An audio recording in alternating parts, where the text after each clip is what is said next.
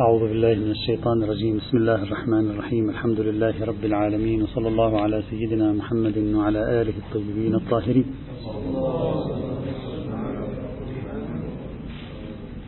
كنا بصدد الحديث عن النقطة الأخيرة المتصلة بموضوع الجزية نحاول اليوم أن ننتهي من هذا الموضوع. وضعت هذه النقطة تحت عنوان الجزية وحدود علاقتها بسلطة الدولة. بمعنى إلى أي حد يمكن للدولة الإسلامية أو الجهة المتولية لإدارة أمور المسلمين بأي مجال يمكنها أن تتدخل في قضايا متصلة بالجزية. قلنا بأن الفقهاء فتحوا ثغرة هنا عندما تكلموا عن قضية أن مقادير الجزية هي شأن حكومي وليس لها علاقة بأصل الشريعة. طبعا توجد نظريات كثيرة هنا عند السنة والشيعة دينار وعشر دراهم وخمس دراهم وخمس دنانير. والمشهور بين العديد من المسلمين بل هو الأشهر والأكثر يعني تداولا في الوسط الشيعي بالخصوص أنه لا يوجد حد مقدر وإنما هذا الأمر يرجع فيه إلى إمام المسلمين أن يحقق المطلوب. هذه القضية دفعتنا لأن نفكر رغم أنه لم تطرح هذه الأسئلة في الكتب الفقهية عادة. لكن محاولة للتفكير سواء حصلنا على جواب إيجابي أم حصلنا على جواب سلبي لا بأس أن نتأمل في أسئلة جديدة تتخطى إطار فكرة مقدار الزكاة طرحنا سؤالين أساسيين بالأمس. السؤال الأول الذي تحدثنا عنه بالأمس هو هل أن فكرة إعطاء الجزية التي تكلم عنها القرآن الكريم مربوطة قهرا بإعطاء مبلغ مالي أم أن هذا الموضوع تحديد ما هي الجزية أمر يرجع فيه إلى إمام المسلمين بحيث من الممكن أن يضع عليهم جزية إما إعطاء مال إما إعطاء شيء غير مال إما قد تكون الجزية حرمانهم من بعض الأشياء ليس أن يعطوا شيئا يحرموا من شيء خاصة إذا كانت الجزية موضوعة عمن هو خا على من هو خارج إطار جغرافيا البلد الإسلامي حيث قلنا سابقا بأن الجزية مفهوم منفتح على من هو ساكن في داخل بلاد المسلمين وعلى من هو خارج بلاد المسلمين أيضا إذا وقعت حرب بينهم بيننا وبينهم. فهل أن قضية هوية الجزية الشيء المأخوذ بالجزية الشيء المتحقق المسمى بالجزية هل هويته بيد السلطة الشرعية؟ أو لا هويته واضحة محددة في الشرع والسلطة الشرعية فقط تدير عملية أخذه وهو عبارة عن مال. هذا كان السؤال الأول. السؤال الثاني المدة الزمنية في مقابل المقدار الكمي هل قلنا النص القرآني يقول حتى قاتلوهم حتى يعطوا الجزية؟ ما تقول حتى يعطوا الجزية إلى يوم القيامة؟ يقول حتى يعطوا الجزية. قاتلناهم فأعطوا الجزية عشر سنوات. الحاكم قال عشر سنوات. جزاء على عدوانكم على المسلمين عشر سنوات عليكم أن تدفعوا الجزية. أعطوا الجزية خلاص انتهى. النص القرآني ليس فيها أي أي دلالة إطلاقية تقول لازم دائما هم يعطوا الجزية. إلى يوم القيامة يعطوا الجزية. ما في. في قاتلوهم حتى يعطوا الجزية. قاتلناهم وأعطوا الجزية. خلاص انتهى. فقد يدعي شخص ذلك.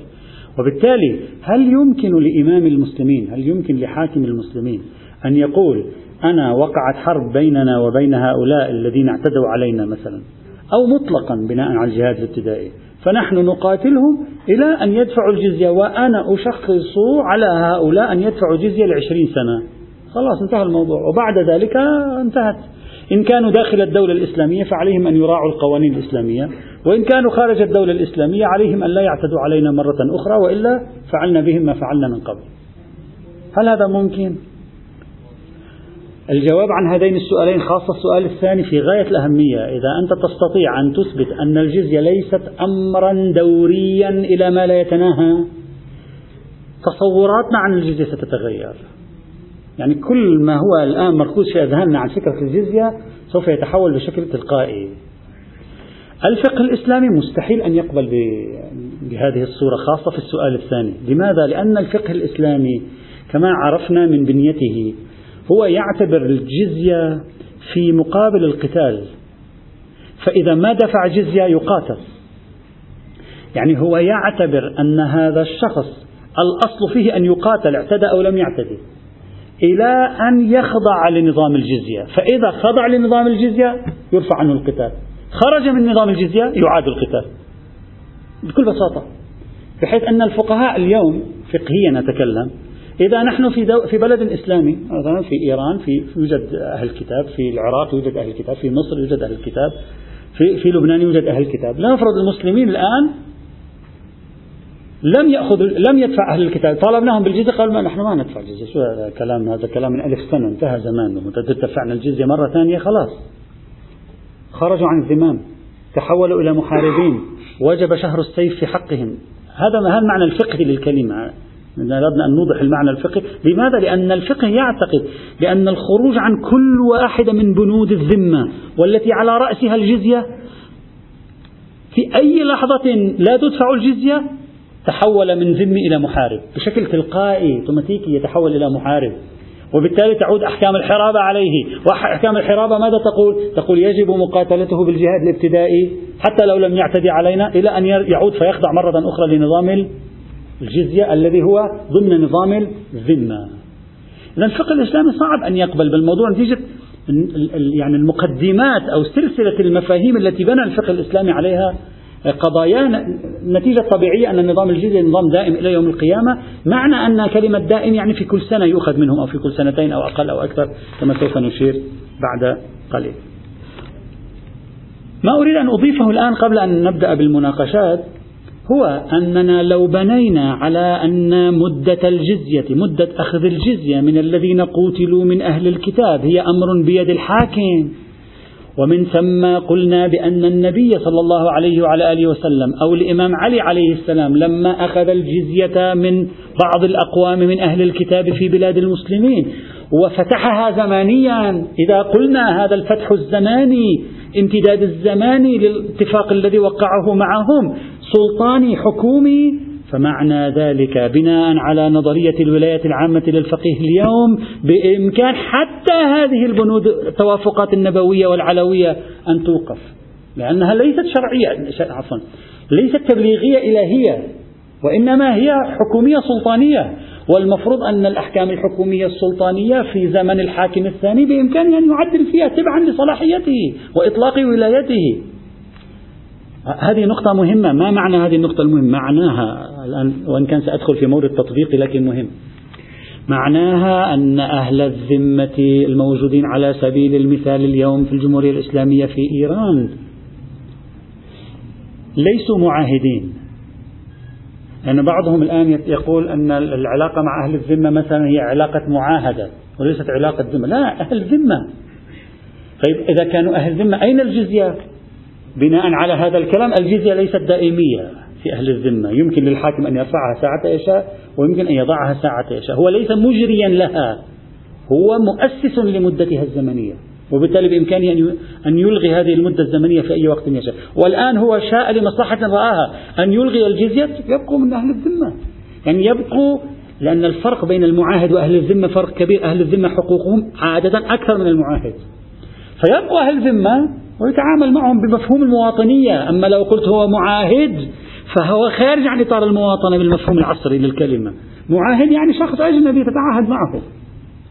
بينما إذا قلت من أهل الذمة أدخلته في مفهوم المواطنية بالمعنى الفقهي. وبالتالي ممكن نحافظ على بقائهم في مفهوم المواطنة الآن بالمعنى الفقهي حتى لو كان لا يدفعون الجزية حتى لو كان الحاكم يعلم أنه لو طلب منهم الجزية لا يدفعونها. إذا الأمر يكون تابعا للحاكم في مثل هذه الحال على أي حال. هذه صورة افتراضية طرحناها بالأمس ونريد الآن أن نفكر فيها في الجواب عن هذين السؤالين. نوعية الجزية مدة الجزية. المدة التي تؤخذ منها الجزية. توجد هنا ثلاث مشاكل أساسية لنرى هل يمكن تخطيها أو لا يمكن تخطيها. المشكلة الأولى وهي تتعلق بالسؤال الأول أي في نوعية الجزية؟ المشكلة الوحيدة التي تتعلق في نوعية الجزية هي ظاهر الآية القرآنية الكريمة. الظاهر الآية أن هؤلاء يقدمون أمرا إيجابيا. سواء كان نقدا أو شيئا آخر. يعطوا الجزية عن يد. وبالتالي الآية تكون منصرفة عن حالة إجراء عقوبات عليهم. فأنت إذا أجريت عليهم عقوبات فلا يقال أعطاني هو شيئا وإنما يقال حرمته أنا من شيء ليس هو أعطاني شيئا. فإذا فرضنا نظام الجزية أجريناه على من هو خارج البلاد الإسلامية وجعلنا نظام الجزية متمثلا في منعهم من بعض الأنشطة الاقتصادية على الصعيد الدولي مثلا هذا لا يقال هو أعطاني جزية وإنما يقال حرمته من بعض الأشياء التي كان بإمكانه أن يفعلها.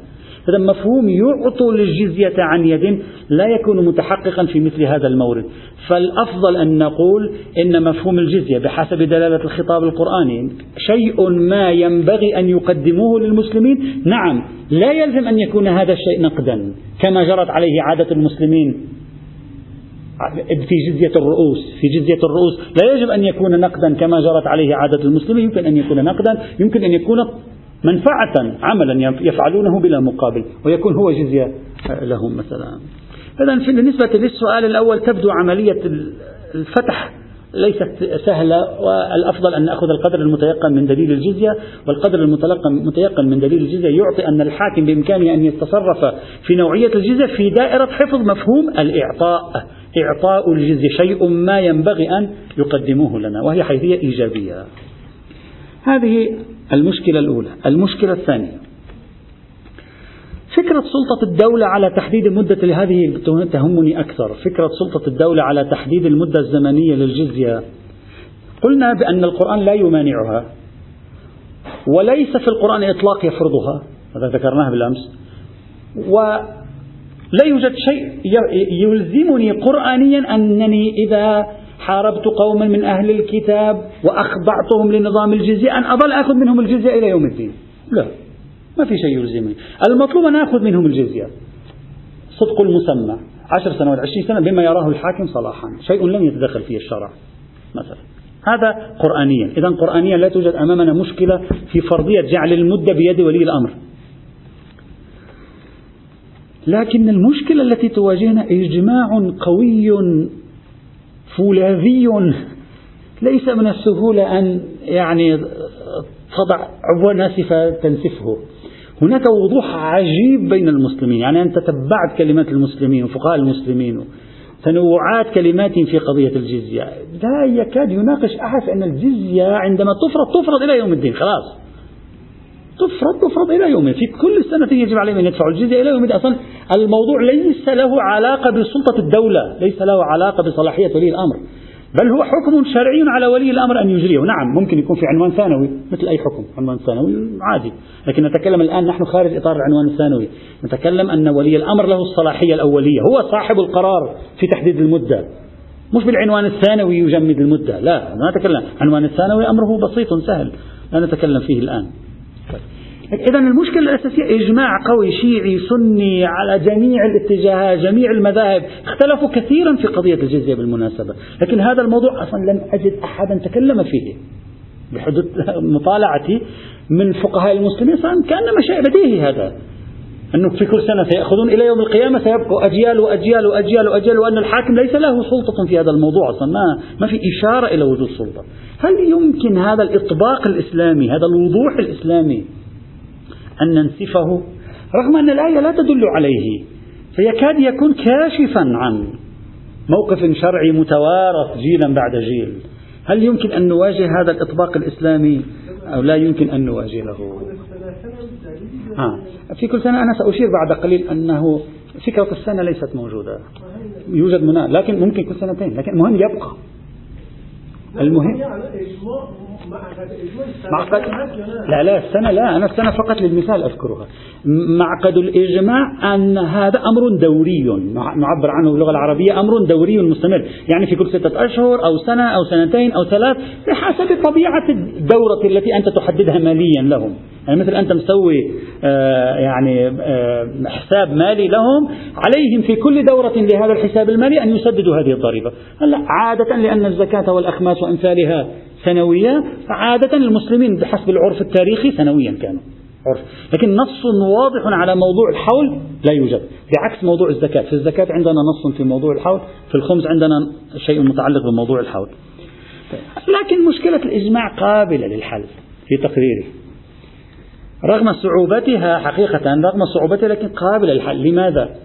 لأن الذي ولد هذا الإجماع هو سلسلة من النظريات. أنت عليك أن تتأمل لماذا ولد هذا الإجماع. هذا الإجماع لم يولد من فراغ.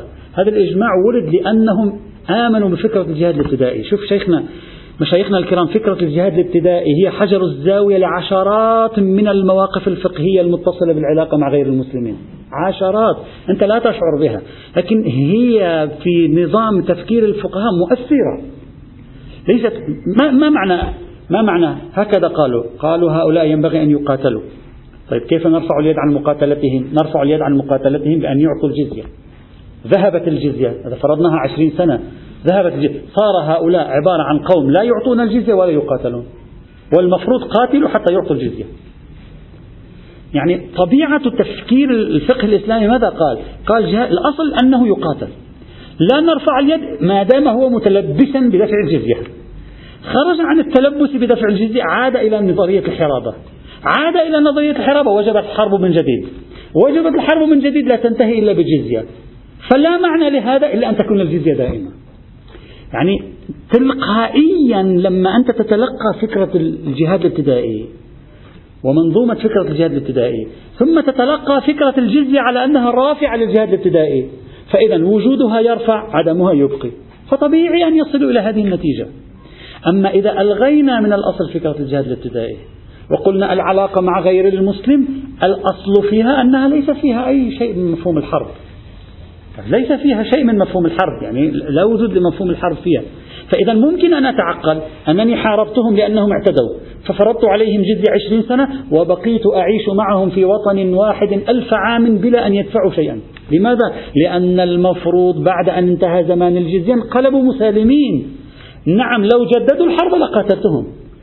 فكرة الحرب المستجدة مربوطة بعدوانهم لا مربوطة بعدم الجزية بينما فكرة الحرب المستجدة في الفقه الإسلامي مربوطة برفع الجزية لأن المفروض توجد مقابلة في الذهن الفقهي الإسلامي ما بين الجهاد الابتدائي وبين الجزية. واحد إذا جاء زال الثاني. واحد إذا زال جاء الثاني. هذا هو الذي أدى إلى أن الفقه في تقديري أدى إلى أن الفقه الإسلامي لا يمكن أن يتصور.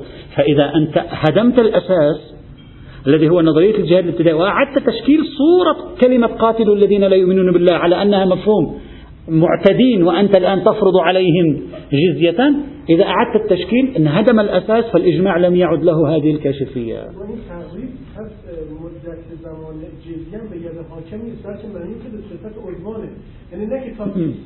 لا لا. القتال مربوط بالعدوان. لا شيخنا عندنا ثلاث خواص. ثلاث خواص أساسية. عدوان بناء على غير نظرية الجهاد الابتدائي. عدوان مرتبة تاريخيا عدوان حرب هزموا بعد أن هزموا خلاص ما في عدوان. جزية. أخذنا الجزية منهم عشرين عاما. انتهى. رجعنا إلى الأصل. ما هو الأصل؟ ألا بين لا شيء بيننا وبينهم. حياة سلمية. متى يعود الموضوع من جديد؟ إذا اعتدوا عادة القتال فرضت الجزية.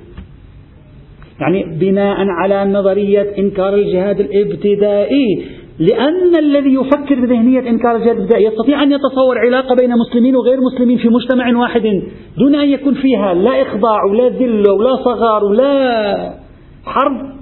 لأنه بإمكانه أن يتصور ذلك صار بإمكانه أن يتصور أن لا جزية وفي الوقت عينه لا حرب.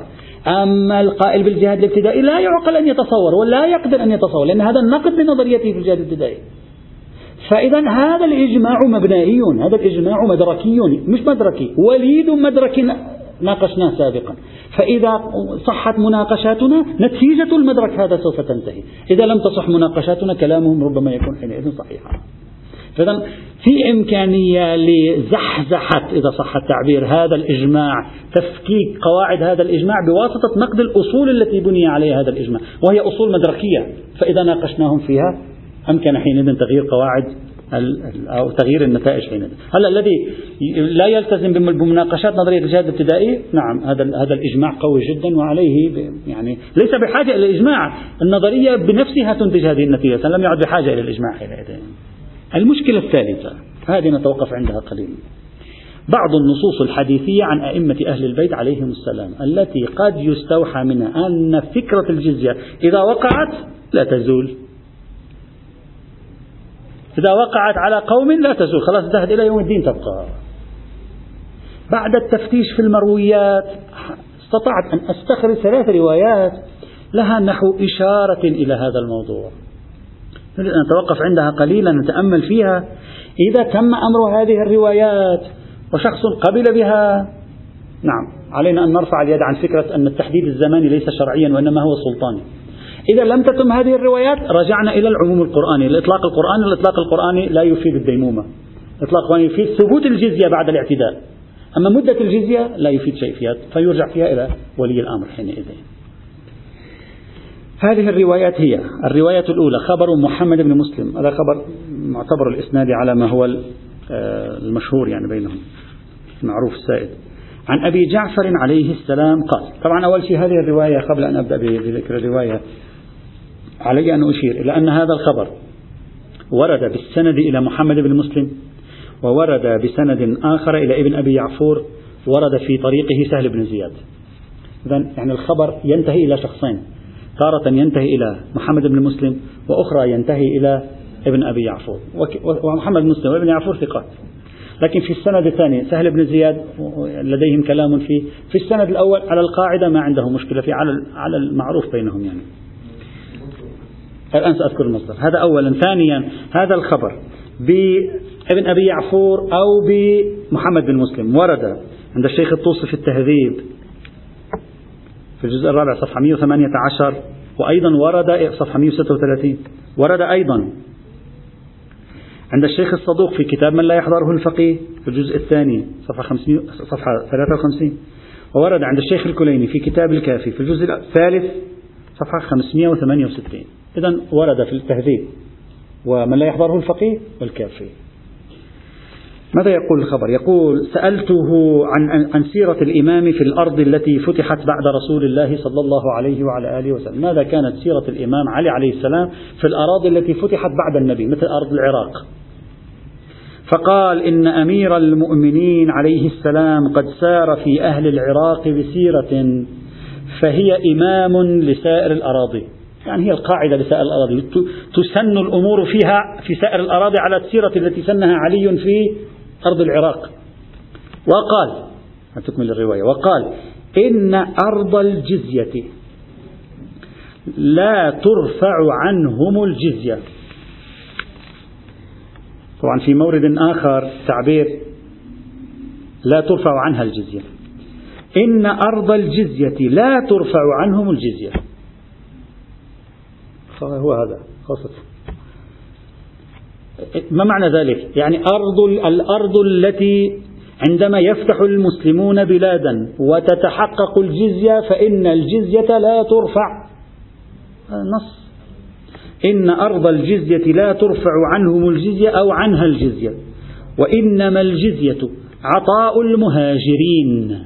يعني عطاء يعطى لمن؟ للمهاجرين في مقابل الأنصار. خلي خلي السطر خط تحت كلمة المهاجرين بعد قليل سنتكلم عن نسخة أخرى. وإنما الجزية عطاء المهاجرين. ماذا يريد أن يقول؟ يريد أن يقول الجزية لا تصرف وين تصرف الجزية؟ يقول تعطى للمهاجرين. ما الذي يريد أن يقول؟ يريد أن يقول الجزية مصرفها ليس مصرف الزكاة.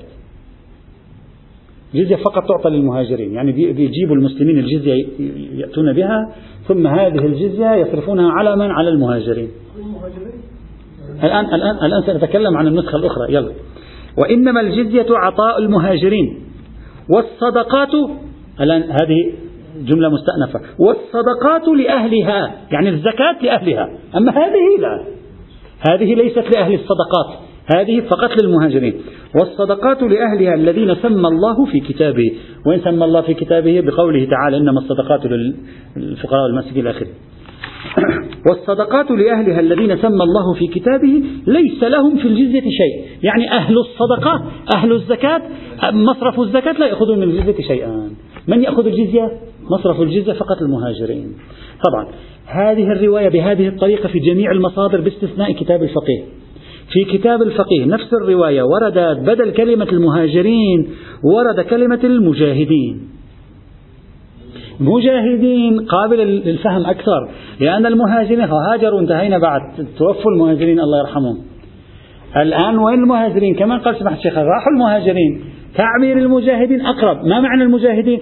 يعني بتعبيرنا اليوم هذه الأموال المأخوذة من الجزية تصرف على القوات المسلحة. يعني هي ميزانية وزارة الدفاع إذا صح التعبير بمصطلحاتنا اليوم. هذا مقبول أكثر يعني معقول. لكن مع الأسف الشديد عند الشيخ الكليني عند الشيخ الطوسي في التهذيب في موضعين من التهذيب المهاجرين. ولكن عند الشيخ الصدوق في كتاب من لا يحضر الفقيه المجاهدين. هذا على حال؟ فقط إذا هذا الخبر واضح.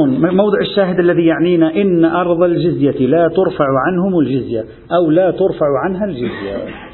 طبعا لماذا يقول أرض الجزية؟ لأنكم تعرفون أن كلمة الخراج الجزية كانت قلت هذا سابقا كلمة الجزية تطلق أحيانا ويراد منها الخراج لأن الجزية أحيانا تكون على الرؤوس وأحيانا تكون على الأراضي. جزية الأراضي يعني الخراج وجزية الرؤوس جزية الرؤوس بعد. فهنا قال إن أرض الجزية لا ترفع عنهم الجزية. يعني أرض الجزية تبقى الجزية فيها. يعني أرض الخراج تبقى الخراج فيها. الآن, الآن سنتكلم. ولذلك قلت الكلام عن أرض الجزية. هل هذا الكلام عن أرض الجزية أو الكلام عن جزية الرؤوس؟ أرض الجزية الآن موجودة. ولا يوجد أهل كتاب متعلقة بهم اليوم. أرض الجزية انتهينا. أرض الجزية الموجودة ملك للمسلمين يأخذون منه حاصلها وبإمكان الإمام أن يعطيها لأي أحد يستثمرها ويأخذ الحاصل وجزء من الحاصل هذا العشر كذا يؤخذ في الضرائب الإسلامية.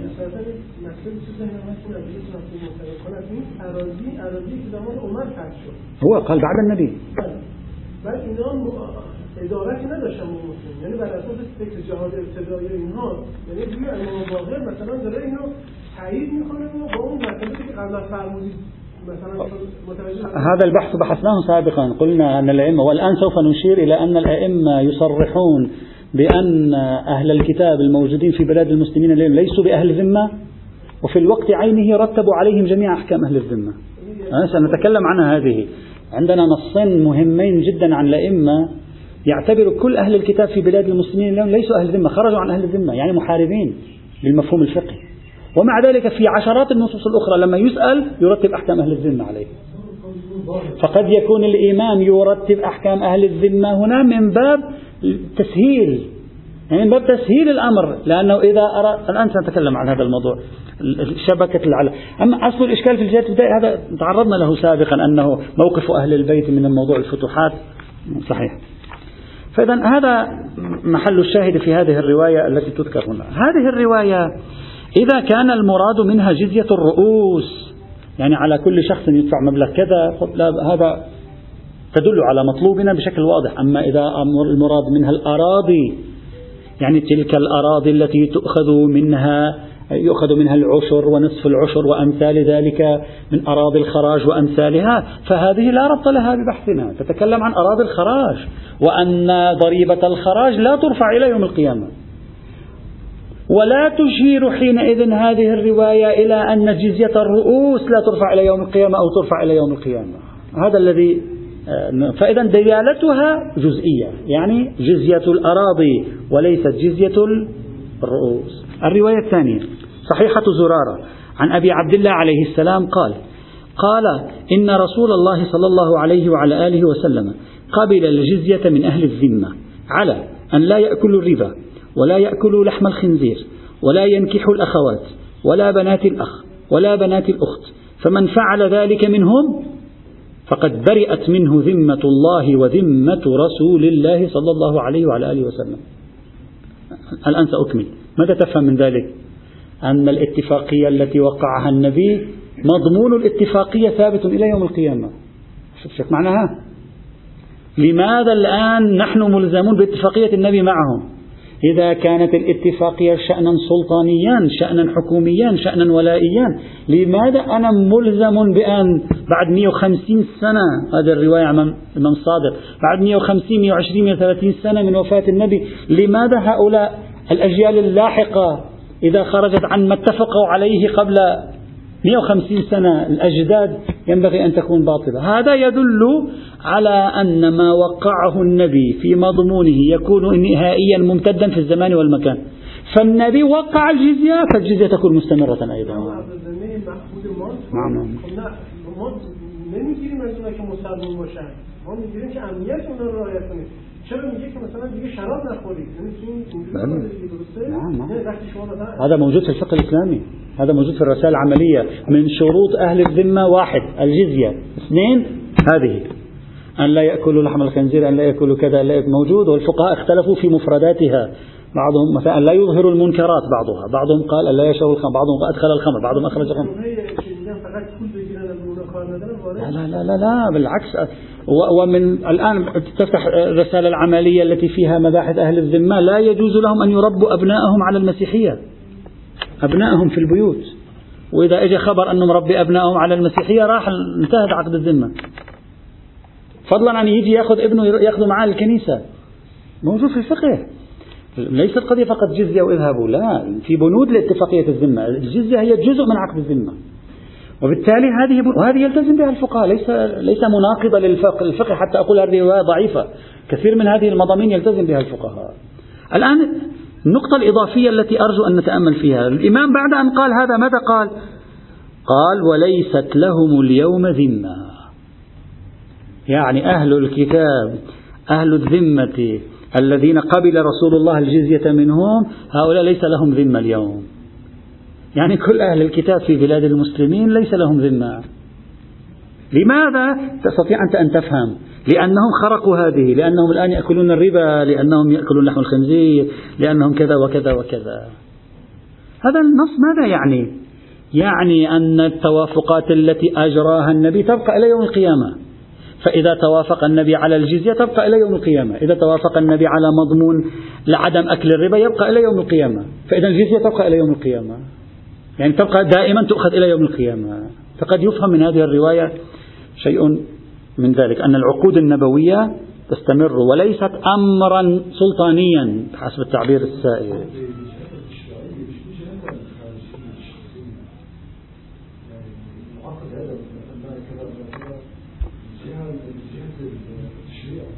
ما معنى جهة التشريع؟ يعني مش العقود التي أقامها النبي مع قوم أهل هو يقول يقول قبل الجزية من أهل الذمة على أن لا يأكلوا. ثم قال وليست لهم اليوم ذمة. ما معنى؟ معنى خرقوا العهد. فليس لهم ذمة. ما معنى ليس لهم ذمة؟ يعني بعد لا توجد مواطنية لهم. بينهم بين النبي. بينهم بين النبي. لا لا هو مؤيات الشيء النبي بما هو مشرع فرض عليهم هذه الشروط. مش مش بما هو سلطان مش بما هو حاكم. طيب إذا كان بما هو مشرع فرض عليهم هذه النبي فرضها على المسلمين أيضا. خرجوا عن المواطنية إذا فعلوها. فخرجوا عن خرجوا عن الأحكام التشريعية. ما معنى خرجوا عن الأحكام التشريعية؟ خرجوا عصوا الله. هذا هو. أما فك الذمة معهم معناها خرجوا عن العقد. هو لما قال لك ليس لهم ذمة خاصة النبي كان يقرر هذه العامة هم خرقوها لا نحن الذي يريد أن نستوحيه من هذه الرواية أن الجزية أيضا من التي وضعها الله. وحرمة أكل الربا ما وضعه الله. فنريد أن نقول توافق النبي أخذ ديمومة. أخذ ديمومة بوصفه عقدا لا بوصف مضامينه أحكاما شرعية. مضامينه أحكام شرعية حتى لو ما اتفق النبي معهم. يجب عليهم. عقد شرعي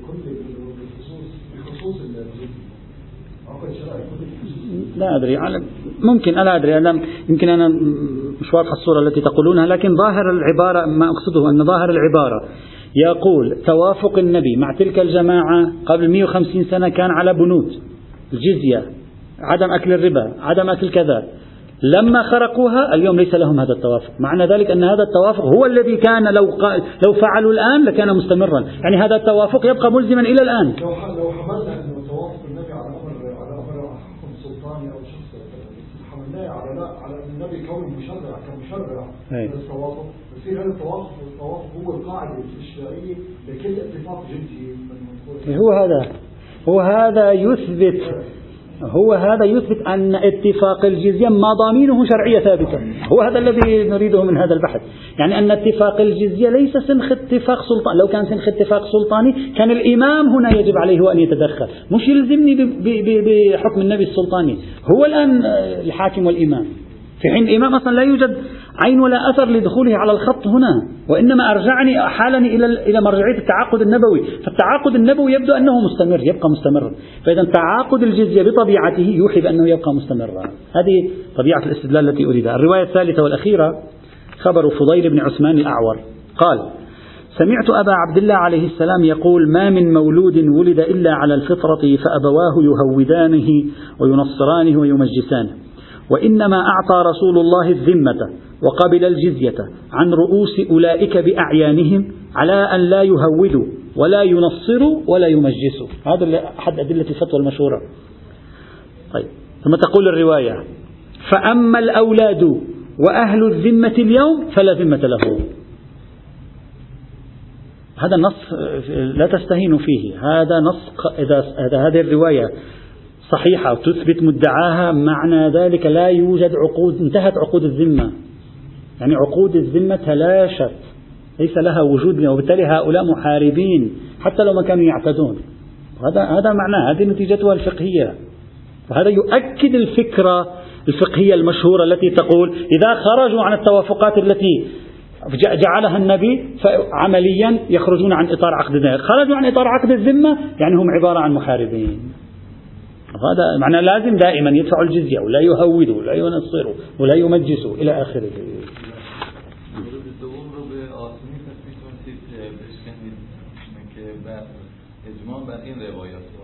الآن نحن سنتكلم فصلنا الإجماع عن هذه الروايات. أستبعد لأن هذه الروايات استنتاج وهذه النتائج منها ليس سهل. يعني بالزور حتى واحد يطلع من تركيب ليست نصا هذه الروايات في الفكرة وإنما هذه الروايات يعني بتوليفتها فيما خلف سطورها أنت ستستنتج هذا الاستنتاج. ممكن ممكن. طبعا هذه الرواية الأخيرة التي قرأناها في كتاب الفقيه وردت هكذا. قال وإنما أعطى رسول الله الذمة وقبل الجزية عن رؤوس أولئك بأعيانهم على أن لا يهودوا أولادهم ولا ينصروا وأما أولاد أهل الذمة اليوم فلا ذمة لهم. لأن المفروض أنهم يهود ونصارى ومجوس. فبما أنهم تهودوا وتنصروا يعني هؤلاء هودوا فراح عقد الذمة. يعني بجيل واحد عقد الذمة بشكل تلقائي يزول. إذا الجيل الثاني أيضا كان مسيحيا معناته عقد الذمة زال مع الجيل الأول. هذا ليس أمرا بسيطا. لماذا؟ لأن المفروض أن عليهم أن لا يهودوهم ولا ينصروهم ولا يمجسوهم. فلما رأيناهم تهودوا وتنصروا والمفروض أن الإنسان يولد على الفطرة حتى أبواه يهودانيه فإذا هذا دليل بمنطق الرواية على أن هؤلاء تم تهويدهم بفعل آبائهم. إذا آبائهم خرقوا نظام الجزية خرقوا نظام الذمة. إذا ما عادش في نظام ذمة هنا. لذلك الرواية قالت وأما أولاد أهل الذمة اليوم فلا ذمة لهم. هذه الصيغة الثانية طبعا هذا تفسير لها. ممكن واحد يذهب إلى تفسير آخر لها ربما لا يكون ظاهرا كثيرا وهي أن يقال الرواية تريد أن تقول النبي وقع اتفاقيته مع الآباء. لم يوقع اتفاقية مع الأبناء. وبالتالي في كل زمان زمان يجب أن يعقد عقد ذمة. لاحظ الرواية معي الآن أنت ستلتفت إلى الاحتمال الذي أقول. ماذا قال؟ قال وإنما أعطى رسول الله الذمة وقبل الجزية عن رؤوس أولئك بأعيانهم. يعني عن أولئك الأشخاص بأعيانهم الذين كانوا يعيشون في زمانه. أولئك الذين وقع النبي العقد معهم. وأما أولاد أهل الذمة اليوم فلا ذمة لهم. ليش لا ذمة لهم؟ لأنه ما تم توقيع عقد معهم. يعني هؤلاء يجب جيلا بعد جيل أن يكون هناك توقيع اتفاقية ذمة بيننا وبينهم إذا كان الأمر كذلك هذا دليل على أن اتفاقيات الذمة النبوية سلطانية تاريخية وأنه في كل جيل يجب على حاكم المسلمين أن يجري اتفاقية. يعني الاتفاقية تكون وليدة جيل جيل وليست من الجيل الأول يكون اتفاقية النبي سارية على الأجيال اللاحقة فتكون الرواية دالة على العكس. إذا تتأمل فيها قليلا ستكون حينئذ دالة على العكس. وإن كان طبعا هذا مجرد احتمال قد يدعى أن السياق آه، لا يساعد على هذا الاحتمال آه، إطلاقا. لكن النقطة الإشكالية المهمة في الرواية الثانية والثالثة كيف يمكن أن أفهم أن الإمام يعلن أن أهل الكتاب الموجودين في زماننا اليوم في بلاد المسلمين ليسوا أهل ذمة؟ وتوجد عشرات من الروايات من الأسئلة والأجوبة التي يسأل فيها الإمام عن قضايا ويرتب أحكام الذمة عليهم. وهو يستخدم كلمة أهل الذمة في حقهم والسائل يستخدم كلمة أهل الذمة في حقهم. كيف كل هذه الروايات تكرس مفهوم ذمية هؤلاء الذين كانوا يعيشون في زمن الأئمة؟ وفقط هاتين الروايتين تريدان أن تسلخا عنوان الذمية عنه. لأن في آثار مترتبة على عنوان الذمية بناء عليه. هذا قد يسبب إرباكا. يمكن أن نحل هذا الإرباك للدفاع عن هاتين الروايتين أن الأئمة لا يقبلون بوجود عقد الذمة الآن ولكن ربما من باب التسهيل وربما من باب التيسير قالوا اعملوا على أن عقد الذمة موجود إلى أن يظهر الحجة سلام الله تعالى عليه. وربما يساعد على ذلك رواية وهي مرسل الصدوق عن الإمام الرضا عليه السلام قال إن بني تغلب أنفوا من الجزية في زمن عمر بن الخطاب. أنفوا من الجزية. وسألوا عمر أن يعفيهم. فخشي أن يلحقوا بالروم. فصالحهم غير عقد الذمة. فصالحهم على أن صرف ذلك عن رؤوسهم يعني ألغى الجزية عن رؤوسهم وضاعف عليهم الصدقة. ألزمهم بصدقة مضاعفة بزكاة مضاعفة. فرضوا بذلك. فعليهم ما صالحوا عليه ورضوا به. إلى أن يظهر الحق. كأنما الأئمة يتعاملون مع أهل الذمة اللي هم ليسوا أهل ذمة معاملة قاعدة الإلزام والالتزام. ويقول بما أنهم يعتبرون أنفسهم أهل ذمة ويسيرون في بلادنا على أنهم أهل ذمة تعاملوا أنتم معهم على أنه أهل ذمة فإن في هذا التيسير لكم. وإلا هم في الحقيقة ليسوا أهل ذمة. لذلك قال في آخر الرواية إلى أن يظهر الحق. معنى ذلك أنه إلى أن يظهر الحق سوف يغير ما فعله عمر بن الخطاب. وهذا معنى الرواية. وأن ما فعله عمر بن الخطاب كان اشتباها في هذا السياق. ربما يكون من باب قاعدة الإلزام أو الالتزام تسهيلا تخفيفا. مثل كما يقول الكثير من الفقهاء أن غير الشيعي هو كافر وإنما جرت عليه أحكام الإسلام من باب تسهيل. هذا نفس الشيء. هؤلاء ليسوا بأهل ذمة لكن إذا تعاملون على أنهم ليسوا بأهل ذمة ربما يؤدي ذلك إلى أن المسلم يمكن يقتل واحد من أهل الذمة لأنه محارب صار. فربما لأجل أن لا تحدث مشاكل بين أهل الذمة والمسلمين الأئمة نزلوا عقود الخلفاء منزلة الصحة. قالوا تعاملوا معها على أنها صحيحة ففي ذلك حفظ اجتماع المسلمين وفي ذلك حفظ مصالح المسلمين إلى أن يظهر الحق. فربما تغير كثير من هذه النتائج. في مثل وإلا في بعض الموارد مثلا إذا أنت اليوم واحد كافر اشتريت منه عبدا. وهذا الكافر ممكن أن يكون قد أخذ هذا العبد في غزوة غزاها لكافر آخر.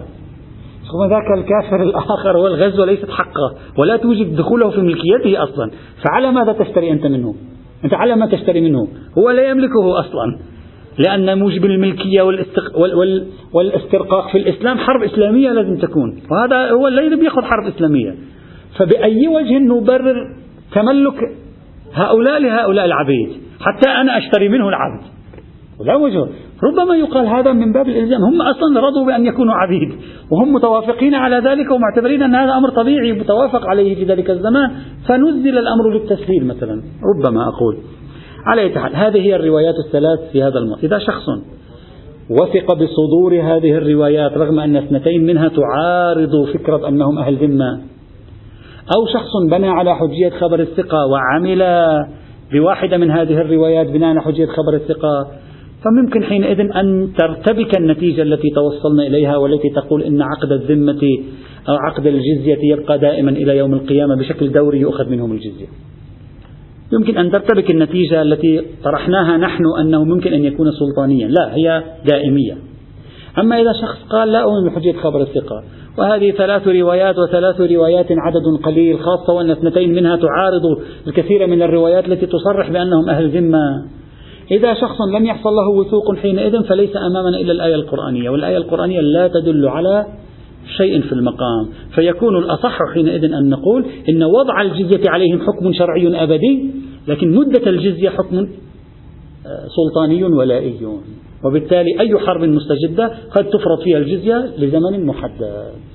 نتيجة البحث في قضية الجزية سأذكر أربع قضايا هي نتائج البحث في قضية الجزية. أولا الجزية مفهوم عقابي يجعل في حق جماعة من أهل الكتاب فسقوا عن الحق في دينهم واعتدوا كذلك على المسلمين. هذا اللي قلت وصلنا إليه تذكرون. هنا يجب على المسلمين مقاتلتهم لرد عدوانهم ولا ينتهي هذا القتال إلا بإلحاق الهزيمة بهم شرعا ما أمكن للمسلمين ذلك. وفرض جزية عليهم صاغرين تأديبا لهم كي لا يجرؤوا ولا غيرهم على أن يفعلوا ذلك مع المسلمين مرة أخرى. هذا واحد. اثنين قلنا العلاقة بين الجزية والجهاد وثيقة. بمعنى إذا كنا نؤمن بالجهاد الابتدائي فالجزية مفهوم عام يتصل بكل أهل الكتاب في العالم. أما إذا ما أمنا بالجهاد الابتدائي فالجزية مفهوم خاص يرتبط بخصوص جماعة من أهل الكتاب. اعتدوا على المسلمين تفرض عليهم الجزية عندما نهزمهم. أما سائر أهل الكتاب من الذين لم يعتدوا على المسلمين أي اتفاقية معهم؟ أي انضمام لهم في إطار جغرافيا الدولة الإسلامية؟ لا علاقة له بنظام الجزية إطلاقا كما قلنا سابقا. وقلنا سابقا بأن الأدلة التي تقول بالنهي عن مقاتلة من لا يقاتلنا هي التي تقيد إطلاق آية الجزية وليس العكس. وهذا تكلمنا عنه سابقا. النتيجة الثالثة قلنا العلاقة بين الجزية والذمام بالمعنى الخاص يعني المواطنة غير مضطردة بمعنى يمكن تفرض الجزية على من هو داخل الدولة الإسلامية ويمكن تفرض الجزية على شخص يبقى خارج الدولة الإسلامية. لأن ليس في الآية القرآنية حتى يعطوا الجزية يعني حتى يصبحوا داخل جغرافيا بلادكم. ممكن يعطوا الجزية وهم مهزومين خارج جغرافيا البلاد الإسلامية. والنتيجة الرابعة الصغار المأخوذ في الجزية ليس سوى تعبير عن نفس دفعهم لها في سياق خضوعهم منهزمين لإرادة المسلمين. نفس أن يدفعوا جزية وهم منهزمين خاضعين لإرادة المسلمين بعد الحرب هذا هو الصغار الذي تكلمت عنه الآية. أما سائر الصيغ للصغار فلم تثور خامسا وأخيرا ليس هناك تحديد كمي للجزية.